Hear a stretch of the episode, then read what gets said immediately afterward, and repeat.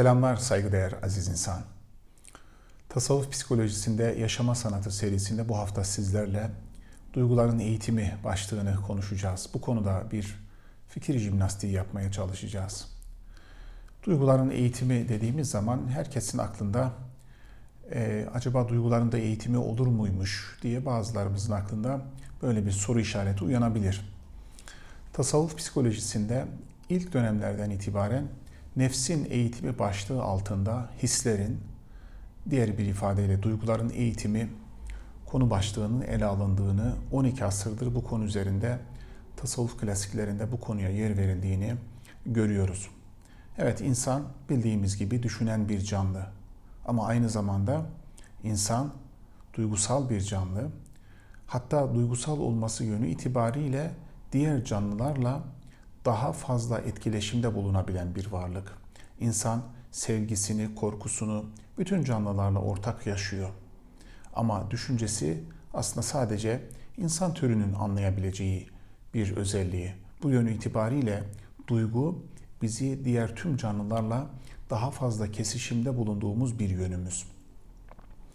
Evet, insanın duyguları düşüncelerini etkiliyor. Düşüncelerimiz duygularımızı etkiliyor. Ee, bazen de duygularımızla aklımız arasında, düşüncelerimiz arasında çatışma yaşanabilir. Hz. Mevlana 9 asır öncesinden duygunun akıl ve zihin karşısındaki gücünü şöyle ifade eder.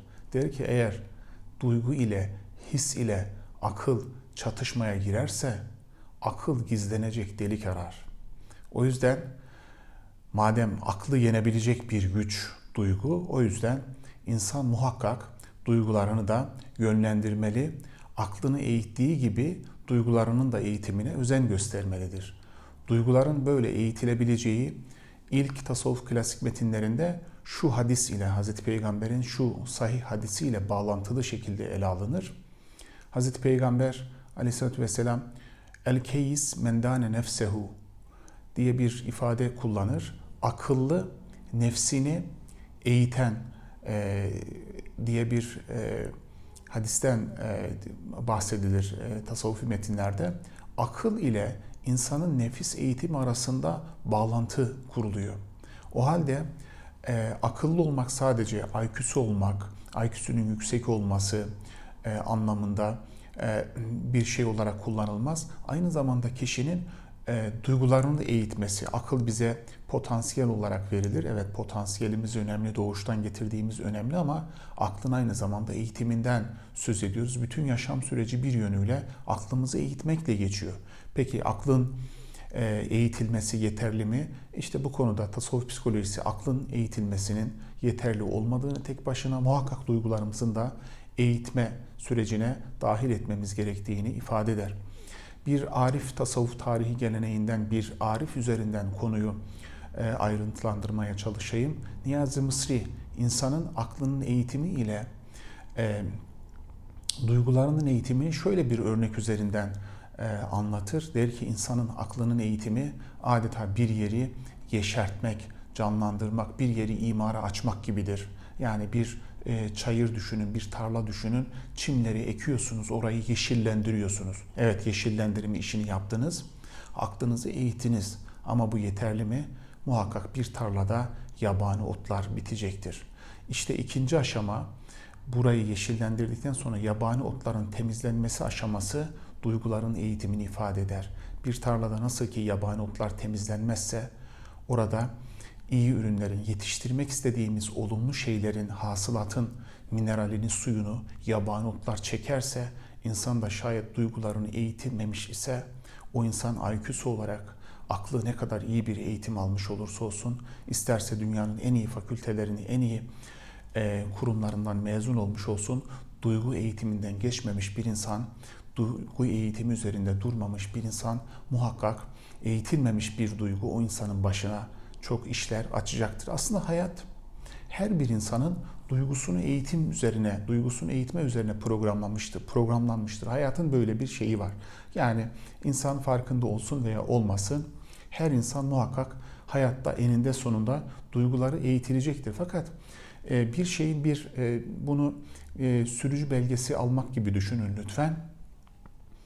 Bir şeyi trafiğe kapalı alanda öğrenmek e, aşaması var veya hiç trafik e, eğitiminden geçmeden, e, sürücü belgesi eğitiminden geçmeden, sürücü kursuna gitmeden direkt doğrudan e, trafiğe çıkmak gibi düşünün. Evet, böyle bir insan muhakkak trafiğe çıktığı zaman kaza kaçınılmaz olur. Gerçi hayatta da bizler duygu eğitiminden geçmezsek şayet bir yönüyle hayat içerisindeki kazalar kaçınılmaz oluyor. Fakat tabii burada da şöyle bir husus var o kazalardan edindiğimiz tecrübelerde gerçi hayat boyu unutulmuyor. Onların yüksek maliyeti insana bir daha kulağına küpü oluyor.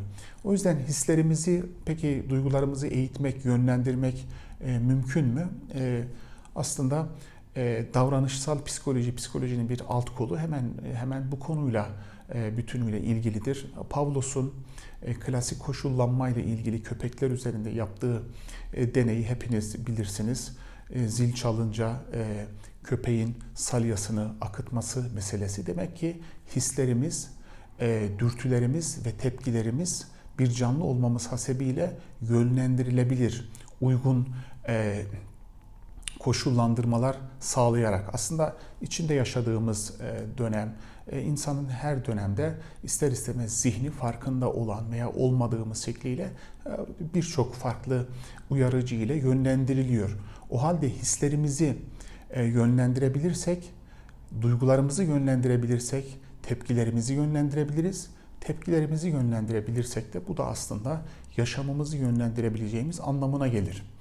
İnsan bu yönü itibariyle tasavvuf psikolojisinde melek ile vahşi bir hayvanın karışımı. Hz. Mevlana'nın ifadesiyle bir yanı balık, bir yanı yılan bir varlık canlı gibi ele alınır. Bir orman misali kurtlar kuzularla beraber. Çünkü insan ister e, tekamül deyin, ister evrimci anlayışta ele alın. İnsan varlığın, varlık zincirinin, e, canlı zincirinin son halkasında yer alan bir varlık. Dolayısıyla e, tasavvufi e, varlık anlayışında da insan kendisinden önceki bütün canlı türlerini barındırır. O yüzden Hazreti Mevlana insanın varlığını uçsuz bucaksız bir ormana benzetir ve bir ormanda olan bütün canlı türlerinin, yer kürede olan bütün canlı türlerinin insanda mündemiş olduğunu, içkin olduğunu, potansiyel olarak bulunduğunu ifade eder. Hayvanlar bize bizdeki duyguların dönüşmüş hali olarak girerler. Bunu e, e, ne demek istediğimi biraz daha izninizle açayım.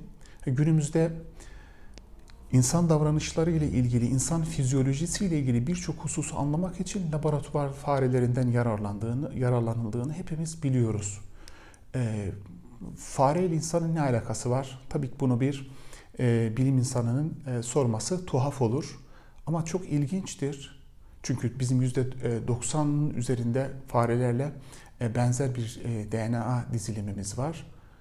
Ama ilginç olan şey şu, tasavvuf tarihinde 10 asır önceki metinlerde insan nefsinin ilk hali anlatılırken fare örneği üzerinde durulur.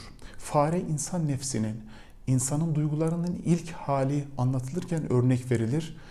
Fare bunun sembolü olarak kullanılır. Mesela aklıma gelen bu konuyla ilgili bir diğer husus, mesela kurt özellikle haset ve aşırı saldırgan kıskançlığın sembolü olarak insanda içkin bir duygudur. Hatta Kur'an-ı Kerim'de Hazreti Yusuf'u kardeşlerinin önce öldürmeye teşebbüs etmesi, sonra onları kuyuya atmaları, e, bu olay anlatılırken Kur'an-ı Kerim'de şöyle bir ifadeden bahsedilir. Hazreti Yakup, Yusuf'un babası oğullarına sordukları zaman kardeşlerini ne yaptınız, nerede Yusuf diye sorduğu zaman ona şöyle cevap verir. Ekelehu zib onu kurt yedi. Aslında burada hani yalan söylüyorlar gibi görünüyor ama aslında kardeşler kendi içlerindeki bir duygunun dış dünyadaki e, ona uygun olan simetrik karşılığını, hayvansal karşılığını söylemiş oluyorlar.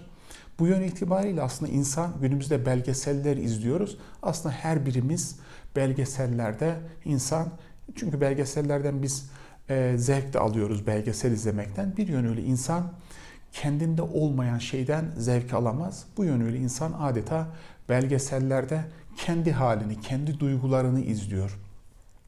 Bu yön itibariyle nasıl ki canlıların yaşam sürecinde ekolojik bir denge var ise İnsan da bu ekolojik dengenin bir parçası. Ekolojik denge demişken yine burada bir kelime tahlili yapmakta fayda var. Yine kelimelerin her zaman yaptığımız gibi hafızasına başvuralım. Ekoloji kelimesi antik Yunancadan oradan geçmiş olan bir kelime. E, Avrupa dillerine ve oradan e, İngilizce ve e, Almanca ve Fransızca'da var olan bir kelime. Kökeni antik Grek'teki oikos kelimesinden gelir. Oikos ev, house ve çevre anlamına gelir. Kelimeye eklenen logik ise aynı zamanda hem konuşan, düşünen canlı demek hem de aynı zamanda temiz olmak demek. Yani evin temizliği, çevrenin temizliği anlamına geliyor. Kavramı Alman zoolojist Ernst Hacker e, geliştirmiştir ekoloji şeklinde. Daha sonra da ekoloji olarak bütün dünya literatüründe yerleşmiştir. Yani ekoloji kelimesinin kök anlamında şu var. Evin temizliği. Yani ev dediğimizde üzerinde yaşadığımız yer kürenin temizliği. Peki yer kürenin temizliği ne ile mümkün olacak? Bir anlamda diğer canlı türlerine baktığınız zaman insan adeta yer, yer kürenin sahibi gibi davranıyor. Kıtaları keşfediyor, denizlere giriyor, e, imara açıyor. Bu yön itibariyle Rum suresinde, Kur'an-ı Kerim'de yer alan ayetlerden birisi, Rum suresi 41. ayet, Estağfirullah şunu ifade eder. Zaharal fesadu fil berri vel bahr bima kesebet eydin nas. İnsanların elleriyle yapıp ettikleri yüzünden karada ve denizde fesat ve bozulma ayyuka çıktı. Yani insan adeta bu evde yaşayan, yer kürede yaşayan insan evi temizleyecek olan ev sahibinin kirliliğinden dolayı ev sahibinin kirliliği neyle olur? Ev sahibinin duygularını eğitmemesiyle olur. Duygularını eğitmediği için ev kirlenir. Ev kirlenince de ne olur? Sonuç bildiğiniz günümüzdeki durum ortaya çıkar. Hepinize saygılar sunuyorum. Hoşçakalın.